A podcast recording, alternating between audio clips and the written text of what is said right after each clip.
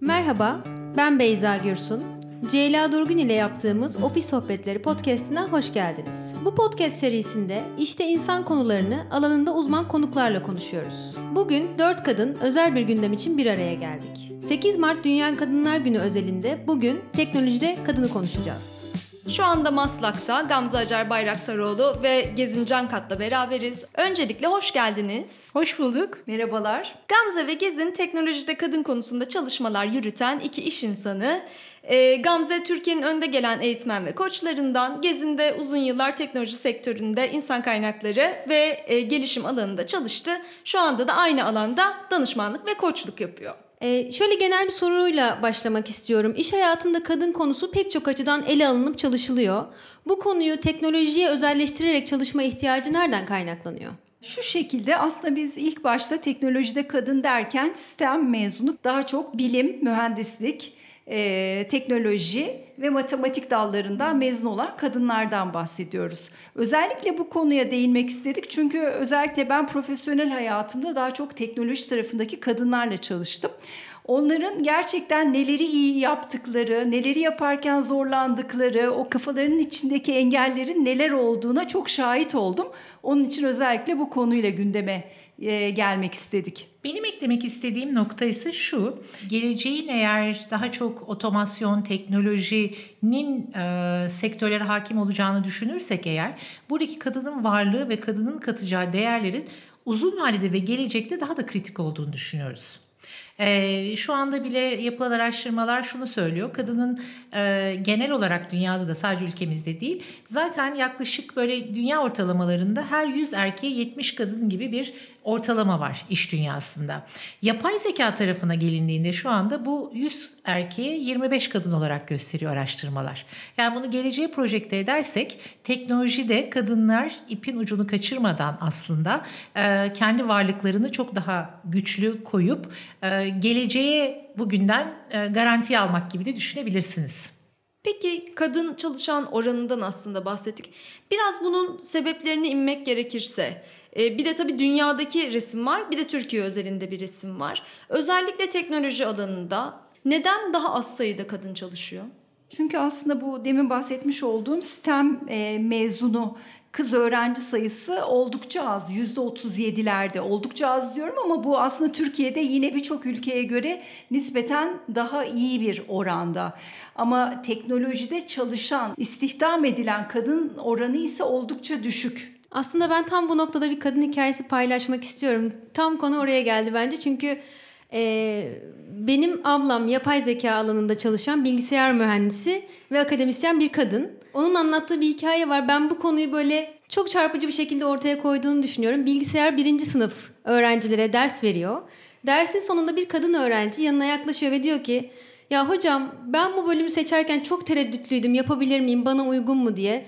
Ama sizin gibi genç ve bakımlı bir kadını görünce gerçekten yapabilirim diye düşündüm diyor. Ve bana sorarsanız bu hikaye çok şey anlatıyor o andan itibaren orada bir rol model görmek, belki bir cesaretlendirme ihtiyacı var gibi hissediyorum bu hikayede. Evet evet kesinlikle. Bir de bazı mesleklerin toplumlarda e, cinsiyete göre bir algısı da var. Bazı meslekleri kadınların yaptığını duyunca şaşırıyoruz mesela. Değil mi? Ya da bazı meslekleri erkeklerin yaptığını duyunca şaşırıyoruz. Kadınlar için geçerli değil sadece.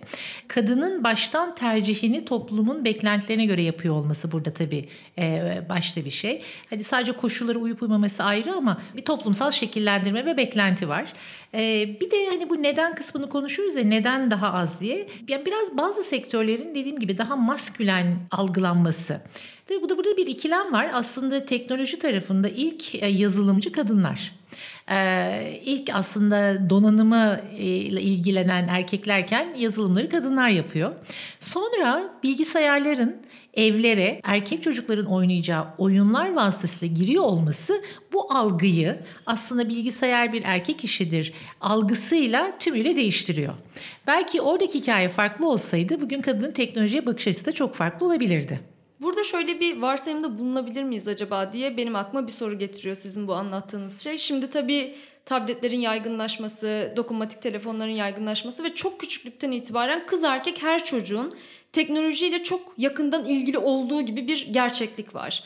Ee, Böyle yaşanmış 30-40 sene önce bilgisayarlar evlere girerken daha erkek çocukların oynayacağı oyunlarla girmiş ama şimdi görüyoruz ki kız çocuklar da en az erkek çocuklar kadar teknolojiyle haşır neşir oluyor ve ilgileniyor. Ee, acaba 15-20 sene sonra e, bugünkü bu teknolojik gelişmeler teknolojide kadın konusunu konuşmamızı gereksiz mi kılar? Bu konu sizce ortadan kalkar mı? Bence gereksiz kılacak. Çünkü gerçekten şu anda e, artık yapılan işlere baktığımızda birçok işin multidisipliner olduğunu görüyoruz. Yani multidisipliner derken teknolojiyle iş kolları çok yakınlaşıyor. Artık işte çevik dönüşümden bahsediyoruz. Bu agile agile diye çok hepimizin ağzında olan son günlerde e, çevik dönüşümle ve dijital dönüşümle aslında teknolojideki işler gerçekten pazarlamayla, satışla, e, finansla çok yakınlaşıyor. Dolayısıyla bu yakınlaşmayla da birlikte bence umarım sizin dediğiniz gibi bundan bir 20 yıl sonra 15 yıl sonra hiç bunları konuşmuyor oluruz. Bugün de konuşuyoruz. Şimdi bugünkü gerçekliğimize dönersek e, en başından beri konuştuk. Kadın çalışan sayısının azlığı, özellikle teknolojide kadının bir takım zorluklarla başa çıkması gerektiği gibi de bir gerçeklikten bahsediyoruz. Kadınların bu erkek egemen ekiplerde var olabilmeleri için sizce ellerindeki en güçlü araçlar nelerdir? En çok neleri kullanıyorlar ya da kullanmalılar? Şimdi ilk başta şunu belirtmek istiyorum. Biz işte erkek egemen e, ekipler diyoruz. Biraz böyle e, gözyaşı koltuk değnekleri olayı biraz da trajik bir e, konuma getiriyoruz ama aslında bu engeller hani bizim kadının engelleri dediğimiz engeller tamamen aslında kadınların kafasındaki engeller ve bizim kafamızdaki engeller. Ben e, örneğin yine geçmiş deneyimimden yola çıkarak çok rahatlıkla söyleyebilirim ki aslında birçok şey her iki cins için de eşit. Ee, burada önemli olan gerçekten cesur olmak ve kadının istediği şeyleri talep etmesinden geçiyor. Yani e, talep etmediği müddetçe veya yeterince cesur olmadığı müddetçe o hep engellerle karşılaşacak. Ee, bu arada engellerle karşılaşan birçok erkek de var aslında. Mutlaka. Dolayısıyla e, engeller biraz e, kadının kafasının içerisinde. Nitekim e, örneğin çok uzun yıllar ben insan kaynakları iş ortağı olarak da çalıştım. Bana terfi talebiyle gelen çalışanların hemen hemen yüzde sekseni erkekti. Mesela bu çok çarpıcı. Ben bunu bir de şirket kültürünü de eklemek istiyorum. McKinsey'nin bir araştırması var. Bu iş yaşam dengesi hani çok e, malum bir kadının en zorlandığı konulardan biri olduğunu düşünürsek. iş yaşam dengesinin kadının e, teknoloji içinde geçerli bu. E, tercihlerini zorlaştırdığını ve ileriye dönük işte kadın aşağı yukarı bir iş istihdam dengesinde %50'lerde başlarken yöneticiliğe doğru %20'lere kadar düşüyor. Şimdi burada kendi tercihleri de az önce gezine katılıyorum. Kendi tercihleri de bunun bir çok önemli bir parçası. Bununla beraber şirketler de bilinç dışı veya kendileri de aslında bir ne diyelim o fark etmediğimiz ön yargılarımız var ya kadınla ilgili veya kadının toplumdaki ailedeki rolüyle ilgili. Onların kariyer planlarında da onları farkında olmadan bilinç dışı bir yönlendirmeyle de aslında karşılıyor. Ee, işte bu yönlendirmeler daha yarı zamanlı işler olabiliyor. Daha az işte belli mesailerin belli saatte bittiği e, pozisyonlar olabiliyor. Daha önde, daha savaşçı değil de daha arkada destek veren birimler. E, tabii böyle baktığınızda da kadının görünürlüğü, kendi ispat fırsatları e, veya kendi özgüvenini çok güçlendiremediği pozisyonlar olabiliyor. E, o nedenle de e, bunun hani katılıyorum hem kadının beraber organizasyonların toplumsal bilinçaltımızın da burada çok ciddi katkısı var. Gene altını çizmek istiyorum. Sadece Türk toplumumuzda değil, dünyanın birçok ülkesinde de kadın erkek cinsiyet e, paritelerine baktığın, baktığınızda ciddi sıkıntılar var. Ama e, üzücü bir rakamdan bahsetmek istiyorum. E, World Economic Forum'un, Dünya Ekonomik Forum'un yaptığı araştırmada 2020'de 149 ülkede Türkiye cinsiyet dengesinde nerede olduğunu tahmin edersiniz. Kaçıncı bir tahminlerinizi alayım. 149 100, 100 artı diyeceğim. 149 ülkede ve Türkiye 7. büyük ekonomisi dünyanın. C7. Çok umutsuz algılamak istemem ama ben de 100 plus yani 110-120'den daha önde olduğunu tahmin ediyorum. Ben de 122 diyorum. Diyorsun. Böyle çok, çok spesifik. 122 evet. evet. 130. ülke. Yani bizden önce onlarca Afrika ülkesi, onlarca e, geri kalmış ekonomiler de var. Demek bu sadece ekonomiyle ilgili değil, biraz toplumun e, kafa yapısıyla ve zihniyetiyle de ilgili bir durum olduğunu düşünüyorum. Gamze'nin söylediklerine ek olarak benim de yine deneyimlerimden söyleyebileceğim sahadaki roller yani gerçekten sahaya çıkıp işte ölçüm yapılması gereken roller, seyahat gerektiren roller veya vardiyalı çalışmalarda yöneticilerin ne yazık ki daha çok erkek adayları tercih ettiklerine şahit oldum. Evet belki bu bakış açısını biraz hani koştuktaki deneyimlerle de deneyimlerimle de e, zenginleştirebilirim. Şimdi teknoloji tarafında kadınlarla ve erkeklerle koçluk e, görüşmelerimizde teknolojide çalışan kadınların geldiği hedefler e, daha çok kendi varlıklarını gösterme, daha çok erkek egemen kültürde hani o dişiliklerini daha saklayarak aslında var olma, e, görünür olma, daha iyi bir network çabası, işte daha bu assertif olma dediğimiz daha özgüvenli durma, e, daha azınlık olmanın getirdiği bir takım sıkıntıları yenmekle ilgili e, konularla geliyorlar, konu başlıklarıyla ve kendi kariyer planlarında da Gezi'nin söylediği gibi böyle çok savaşçı roller yok daha çok destek birimler. Yani kendilerini de aslında öyle sınırlıyorlar. Erkeklere geldiğimizde onlar daha böyle hani kendi doğal rolleri böyle avcı tarafı var ya daha hedef odaklı, daha stratejik bakış açısı, daha e, insan işin daha takım yönetimi gibi e, daha da onlar insan yönetimi tarafları biraz daha e, zayıf olduğu için teknik taraflar oradan geliyorlar. E, bir de bir de burada aslında liderlik, vizyon falan bu konular erkek e, çalışanların daha çok tercih ettiği. Yani oradan da görüyorsunuz zaten motivasyonlarının nereye doğru olduğunu.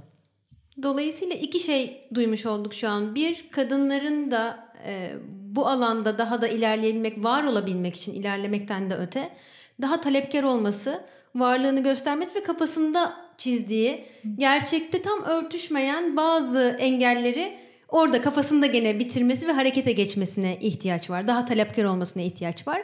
Doğru. Diğer taraftan bunun bir de kültür ve bulunduğun ortamla ilgisi var. Bunlar tamamen kadınların kafasında her şey güllük gülistanlıkken oluşmuş şeyler değil. Kurumun kültürü, onlara belli varsayımlarla belli rollerin hiç biçilmemesi ve teklif edilmemesi yani tartışılmaması ve konuşulmaması gibi sosyolojik aynı zamanda yani bütün Kesin. bunların temeli hani evet. hani biz kurumlardan bahsediyoruz, organizasyonlar, çalışan oranları vesaire vesaire ama en temelden gittiğimizde e, kız çocuklarının erkek çocuklarından daha az eğitime erişim imkanı olduğunu bildiğimiz bir toplumda yaşıyoruz. Dolayısıyla tüm bu sosyolojik gerçekleri de bir tarafa bırakıp çok toz pembe bir resim çizmekte yanıltıcı olabilir. Bir de tabii toplumsal boyuta şunu da eklemek istiyorum. Diyelim ki aynı seviyede bir erkek ve bir kadın var aynı e, şartlarda kadın tercih edilme ihtimali daha düşük çünkü ikinci maaş kazanan. Ya da işte maaş artışlarında kadının zaten eve ikinci maaşı yani ikinci ikincil pozisyonda.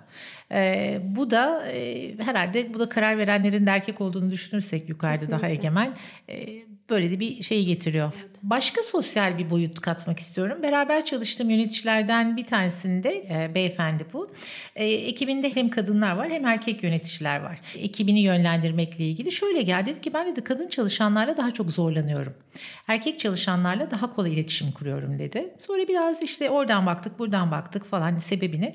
Şuna geldik en sonunda. Yani ben e, erkeklerle dedi çok güzel dedi. gidiyorum dedi bir işte bir yemek yiyorum dedi bir maça gidiyoruz o gidiyoruz. Sosyal çok şey paylaşabiliyorum ve o sosyallik benim onu anlamam ve onun da onun daha kolay iletişime geçmemi kolaylaştırıyor. Bir kadınla böyle bir şey yapamıyorum.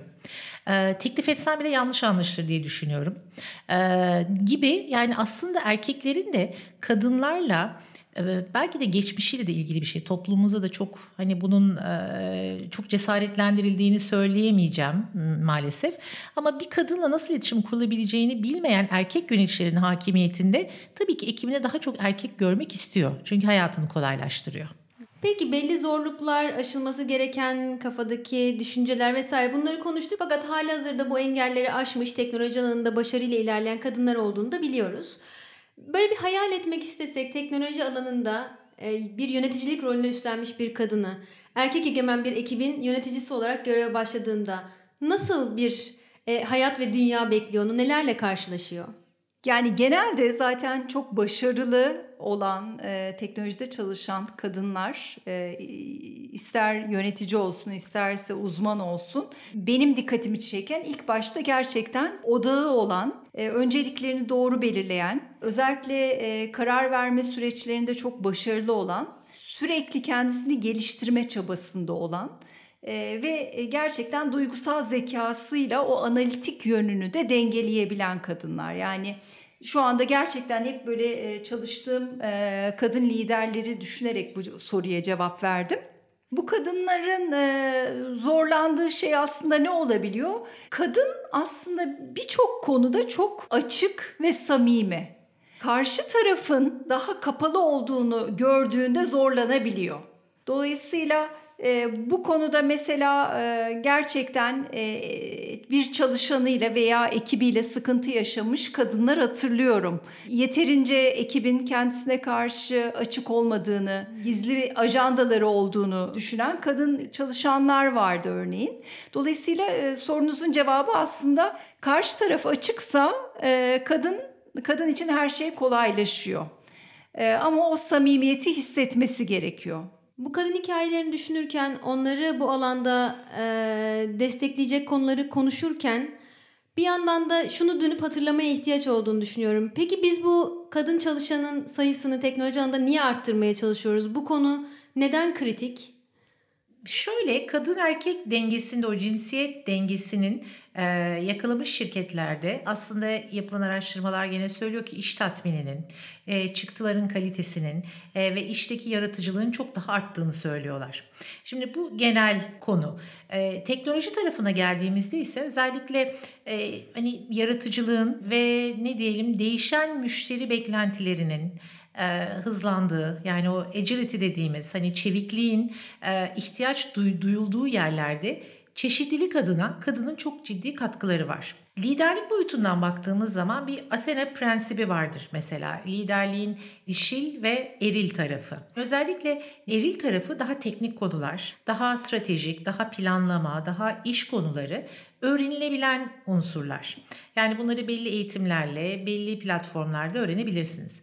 Ancak o dişil taraf, daha yumuşak taraf dediğimiz ilişkiler, etkileşimler, koordinasyon, insanlar arası belli dengelerin sağlanması liderliğin dişil boyutu. Bu da kadının doğasıyla beraber geliyor. Ama şanssızlık şu ki kadın kendisi gibi olmaktan vazgeçtiği gün yani erkek egemen bir toplumda erkek gibi davranmaya çalıştığı zaman bu dişil tarafının da farkına varmadan aslında üzerini örtmüş oluyor. O neden nedir ki az önce Gezi'nin de bahsettiği kadının kendi kendine koyduğu engeller kendi dişil özelliklerini de arka tarafa koymasına sebep oluyor. Bu yüzden kadının var olması önemli. Kadını arttırmak, kadının da kendi dişil liderliğin o dişil tarafına sahip çıkması da çok önemli. Ve hatta bu sadece kadınla biten bir şey de değil. Organizasyonda o dengeyi sağlarken e, orada bir hedefin olması lazım. Biz kaç tane kadın yönetici istiyoruz? Bu kadın yöneticilerin dengesi ne olmalı? E, onları nasıl güçlendirmeliyiz ve erkeklerin kadınlara bakış açısını nasıl daha sağlıklı bir hale getirebilir konusunda e, hani bu dengelerin de sağlanması lazım. Yani sadece sayının artması yetmiyor. Sayıyla beraber onun içindeki kalitenin ve kadının iş dünyasındaki katkısını arttıracak koşulların da gözden geçirilmesi gerektiğini düşünüyorum. Bununla ilgili bir nokta daha paylaşacağım. E, Aristo der ki karşı tarafı bir ikna etmek istiyorsanız üç arkadaşınızı beraberinize getireceksiniz. Bunlardan bir tanesi ethos, bir tanesi patos, bir tanesi logos. Şimdi ethos her iki tarafta da var ama logos mantık, rakamlar ve ne diyelim datalar. Patos ise işin değerler ve hikayeler tarafı. Şimdi logos işin rasyonel ve mantık ve data tarafıysa bunu dengeleyen bir patosunda olması lazım. İşte kadının da getirdiği denge bu. O yüzden o duygu ve iş, iş insan dengelerinin organizasyonun kültürüne doğal olarak yedirilmesi için kadın dengesinin de olması çok kritik. Benim burada bir sorum olacak. Gerçekten kadınların işte empati kurma yeteneğinin ya da ilişki kurma yeteneğinin ya da yumuşak beceriler, soft skills diyelim becerilerin daha yüksek olduğuna ilişkin pek çok şey okuyoruz, duyuyoruz, konuşuluyor eğitimlerde vesaire vesaire. Ve bunun da yine Gezi'nin de söylediği gibi iş hayatında çok önemli bir boşluğu doldurduğu konusuna kesinlikle hemfikirim. Ama şu kaygıyı uyandırıyor bende bazen bu konunun çok sık konuşulması. Bu yumuşak beceriler diyelim ya da dişil özellikler özellikle liderlik rollerine yükselmeye başladıkça e, kadının buna sahip olduğunun devamlı konuşulur hale gelmesi, bunun lanse edilir hale gelmesi, kadının elinde bir güçken bir yandan acaba onu zayıflatan bir unsura mı dönüşüyor? Eğer bir denge unsuru yoksa evet. E, burada hani sadece o dişil tarafı öne çıkardığınızda kesinlikle bir zayıf bir taraf olarak algılanabilir. Ama bir kadının dişil özellikleri ortaya koyarken aynı zamanda eril tarafta hedef odaklı olması, şirket stratejisine odaklanması, e, dan kendini alıkoyduğunda o zaman bu dişil özellikler bir zaaf olarak ortaya çıkabilir. Bahane olarak da ortaya çıkabilir. O nedenle bu iki dengenin kurulması şart. Benim orada iki tane unsur var söylemek istediğim. Birincisi erkek egemen e, teknoloji ortamında kadın varoluşuna daha çok sahip çıkarsa, erkeklere benzeme çabasını bırakırsa, e, o zaman bunu zaten doğal olarak ortaya çıkacak. Bunu çıkarırken de diğer tarafta eril o daha e, sert beceriler dediğimiz tarafını da bununla dengelerse bu dezavantaj olmayacak. Aksine avantaj olacak. Şu kadının doğasından gelen bir şey var. Şunu demek istiyorum. E, eril taraf daha öğrenilebilir bir taraf. Ama dişil taraf o kadar öğrenilebilir bir taraf değil. O yüzden erkeklerin zaten bu anlamda bir dezavantajı var çok kolay öğrenilmiyor. Yani bizim beraber çalıştığımız birebir liderlik eğitimlerinde olsun, birebir koşullarda da olsun bir planlama, stratejik bakış açısı, analitik bakış açısı bunları beraber çalışabiliyorsunuz. Ama bir duygusal zeka ile ilgili belli olgunluğa gelmek gerçekten çok zaman ve emek istiyor. O yüzden neden kadın konusu biraz da burada öne çıkıyor. Benim şöyle bir eklemem olacak Gamze'nin söylediklerini. Kadınlar bazen küsüyorlar. Küstüklerinde de olduklarından daha sert davranmaya başlıyorlar.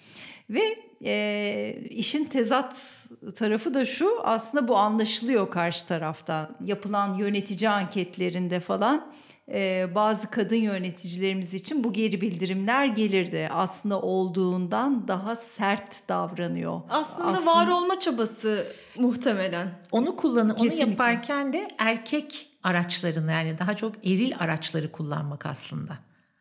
Daha öfke, daha diyelim dışa vurumun daha çırnak içinde şiddet kısmı. Çünkü küsmek de bir şiddet aslında. Burada gerçekten şöyle bir durum oluşuyor bütün bu konuştuklarımızda.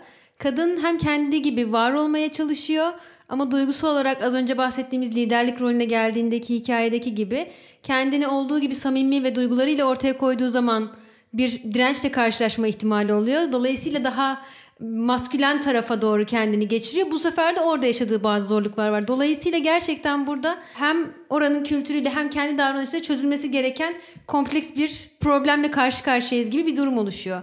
Ama içinden de biliyoruz ki bu kadar da kompleks değil. Bütün bunlar çözümlenebilir. Ve bizim bildiğimiz kadarıyla sizin bu konuyla ilgili çalışmalarınız ve gelişim e, planlarınız var. Birazcık onlardan bahsedebilir miyiz? Sizler bu alanda çalışan ve çalışmak isteyen kadınları nasıl destekliyorsunuz? Onlara nasıl katkı sağlıyorsunuz? Ee, biz Gezi'yle çok uzun zamandır birlikte bir şey yapmayı hayal ediyorduk. Ve dedik ki güçlü yönlerimizi nerede birleştirebiliriz? İşte sohbet ettik, beyin fırtınası yaptık, biraz ara verdik, tekrar bir araya geldik ve şu çıktı ortaya. Onun çok ciddi bir hani te- teknoloji sektöründe çok uzun yıllar emeği ve sahada emeği var. Ve birebir kişilerle temasları var ve orayla ilgili çok ciddi bir içgörüye sahip.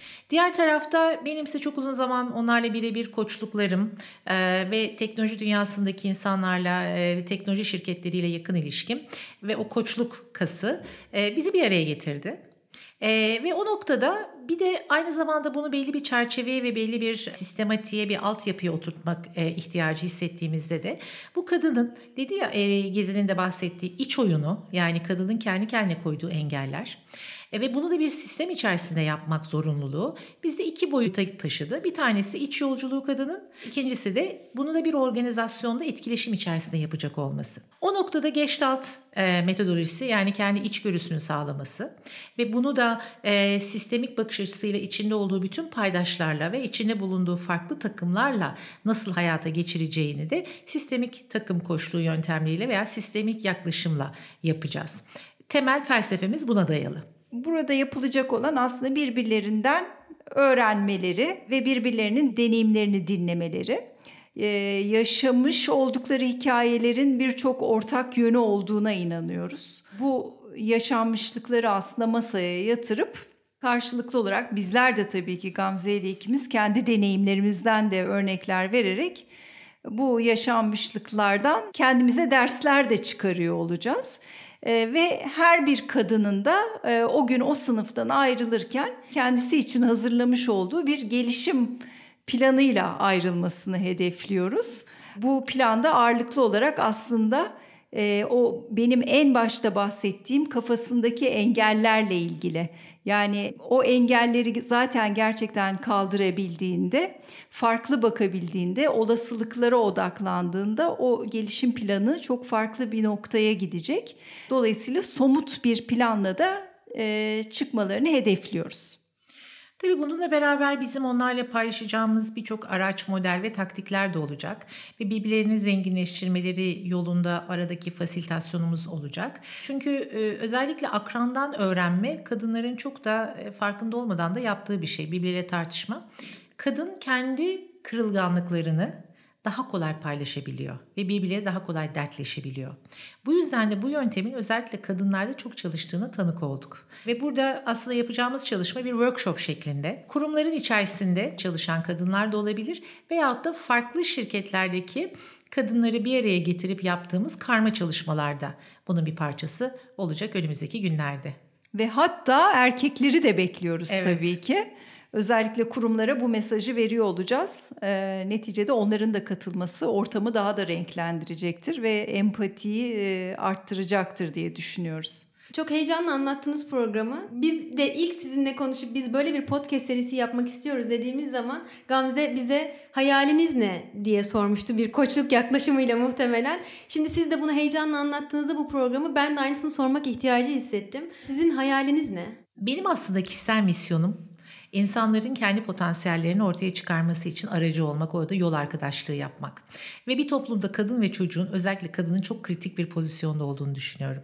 O nedenle kadına dokunmak benim için her zaman çok motive edici ve kadının kendini keşfetmesine bir aracı olmak benim için çok önemli bir motivasyon kaynağı. Buradaki hayalim de özellikle teknoloji sektöründe yani geleceğin mesleklerine kadınların hazır hissetmesi e, ve kız çocuklarının kendi mesleklerini seçerken aslında burada bir e, cinsiyet ayrımcılığını dikkate almadan bunları yapıyor olması, onların da kendi hayallerine kavuşması. Yani bundan yani şu gün bile bir 3-5 sene geriye baktığımızda teknoloji ne kadar fazla hayatımızdaysa bu geometrik bir hızla çok daha fazlası olacak. O zaman kadın teknolojide yer almadıkça geride kalma hızı da bir o kadar keskin olacak. O nedenle kadının toplumda alması gereken yerin çok önemli bir e, boyutunun da teknolojiden geçtiğine inanıyorum. O yüzden kadına nerede dokunmak isterdin deseniz ilk aklıma gelen e, teknoloji. Bir sonraki de politika aslında ama e, yani o, o şu anda beni aşıyor. Girmeli miyiz? yani politikada daha çok kadın görmeyi çok arzu ederdim. Hepimiz. Ama evet ama şu anda teknoloji hayalimizde kadının varabileceği yerlere varması için öncelikli alanlardan bir tanesi olduğunu düşünüyorum. Benim hayalim de aslında e, kadınların ben çok gizli bir hırsının olduğuna inanıyorum. Ee, ve bu hırsları aslında onları işte bu gelişmek konusunda da güdüleyen en önemli şey. Dolayısıyla benim hayalim o gün o eğitim programından, o programdan çıkan bir kadının gerçekten hem kariyer hayatında bir şeyleri kendisi için değiştirmek için aksiyon alması belki programdan sonra beni arayıp gezin biliyor musun ben bugün bunu yaptım demesi bu beni herhalde bu konuda en fazla motive eden şey. Peki kadınları teknoloji alanında çalışmaya yönelik cesaret verici bir şey söyleyecek olsanız ne söylersiniz ve kadınların yolunu açmaları için erkeklere tek bir şey söyleyecek olsanız yine ne söylersiniz? Gelecek seninle güzel derdim. Hani bir slogan olsa. Çünkü gelecek teknolojinin çok kucağında. Erkeklere de e, gölge etme, başka ihsan neydi öyle bir şey. Gölge etme yeter. Başka ihsan istemem. Ba- evet başka ihsan istemem senden demek isterim. ben e, yetinme talep et derdim. E, erkeğe de gel gir koluma derdim. çok güzel. Peki. Çok keyifli bir sohbet oldu. Podcast'imize konuk olduğunuz için çok teşekkür ediyoruz. Ve diliyorum bu podcast bütün teknoloji alanında çalışmak isteyen kadınlara, çalışan kadınlara ve onlarla birlikte çalışan erkeklere ilham olur. Bizi dinleyen herkese de çok teşekkür ediyoruz. Çok teşekkürler. Biz teşekkür ederiz. Teşekkürler.